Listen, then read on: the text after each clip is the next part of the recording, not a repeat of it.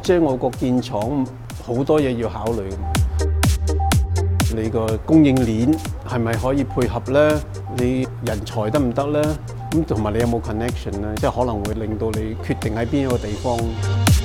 我哋有去到睇新加坡啊、马来西亚、菲律宾啊，拉尾决定咗都系拣泰国咯。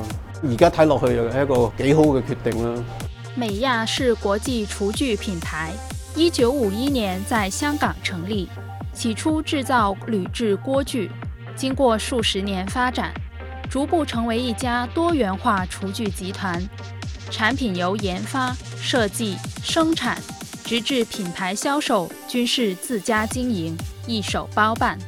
现时全球超过三十八个国家的市场里，都可以找到美亚产品的足迹，由生产商发展至国际品牌。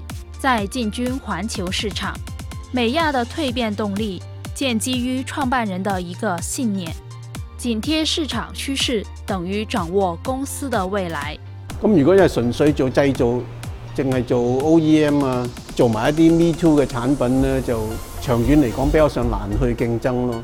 希望建立到自己嘅品牌呢，就喺外国去做推销，卖到自己嘅产品。七十年代尾咧，已經走出香港，就喺英國成立咗個推銷公司，跟住就係美國啊，然後澳洲啊，好多唔同嘅地方咧，都去建立我哋自己個推銷公司。美亞不但叫同業更早開拓海外市場，亦比許多生產商更早選擇在內地以外地區設廠。早在上世紀八十年代，他已投資泰國設生產線。我哋初頭去開廠有。派咗差唔多三十個香港嘅員工去泰國。初頭我哋又嘗試教下佢哋泰文啊，當然文化又唔同啦。香港比較上急，咁去到我做親樣嘢，人哋都覺得哇點解咁急嘅？另外譬如政府方面啊、海關啊，樣樣嘢都係個問題。咁你初頭去到，儘管困難重重，公司仍然堅持在泰國設廠，係因為考慮過多項因素，覺得當地有許多適合外資的條件。當地嘅政治環境啦，係咪穩定啦？考慮嗰個市場啦，有冇一個適當嘅人口喺處啦？亦都考慮文化背景、宗教，譬如有冇排華啊，或者宗教上有冇 discrimination 啊？另外一個最重要嘅就係當年咧就考慮到嗰個 duty，因為我哋嘅主要市場去美國咧，有冇 GSP 嗰個 preference 喺處？呢個 in a way 係一個幾決定性嘅因素咯。時至今日。美亚在内地、泰国、意大利，甚至南美均设有生产线，以配合不同市场的口味和需要。而泰国更成为它的龙头厂房。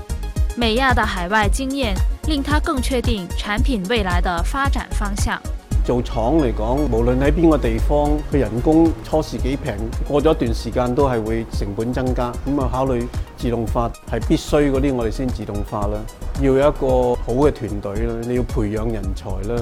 你唔可以將香港一套就咁夾硬搬咗落去外國，一定要適合當地，了解當地嘅法規啊，當地人嘅諗法啊，推銷公司咁你一定要當地先得，因為你當地嘅人。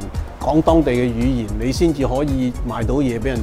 即係如果你話揾一個香港，就算你英文幾叻嘅，你去賣嘢咧，都未必及一個當地嘅人去了解一個情況、了解一個市場，同埋去講佢個 language 咧，對佢嘅推銷係好大幫助。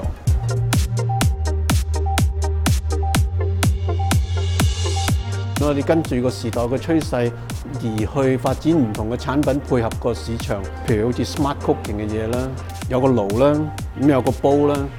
咁有個 apps，個 apps 咧就係有個 recipe。咁呢 recipe 咧全部都係有名嘅廚師。咁你入咗個 recipe 之後，咁個爐咧就同埋嗰個煲咧係會溝通去到咩温度又要升温啊，或者係 cut 個温度啊，煮幾耐佢會停啊。煮出嚟咧，我哋希望佢係達到一個 professional 嘅水準嘅。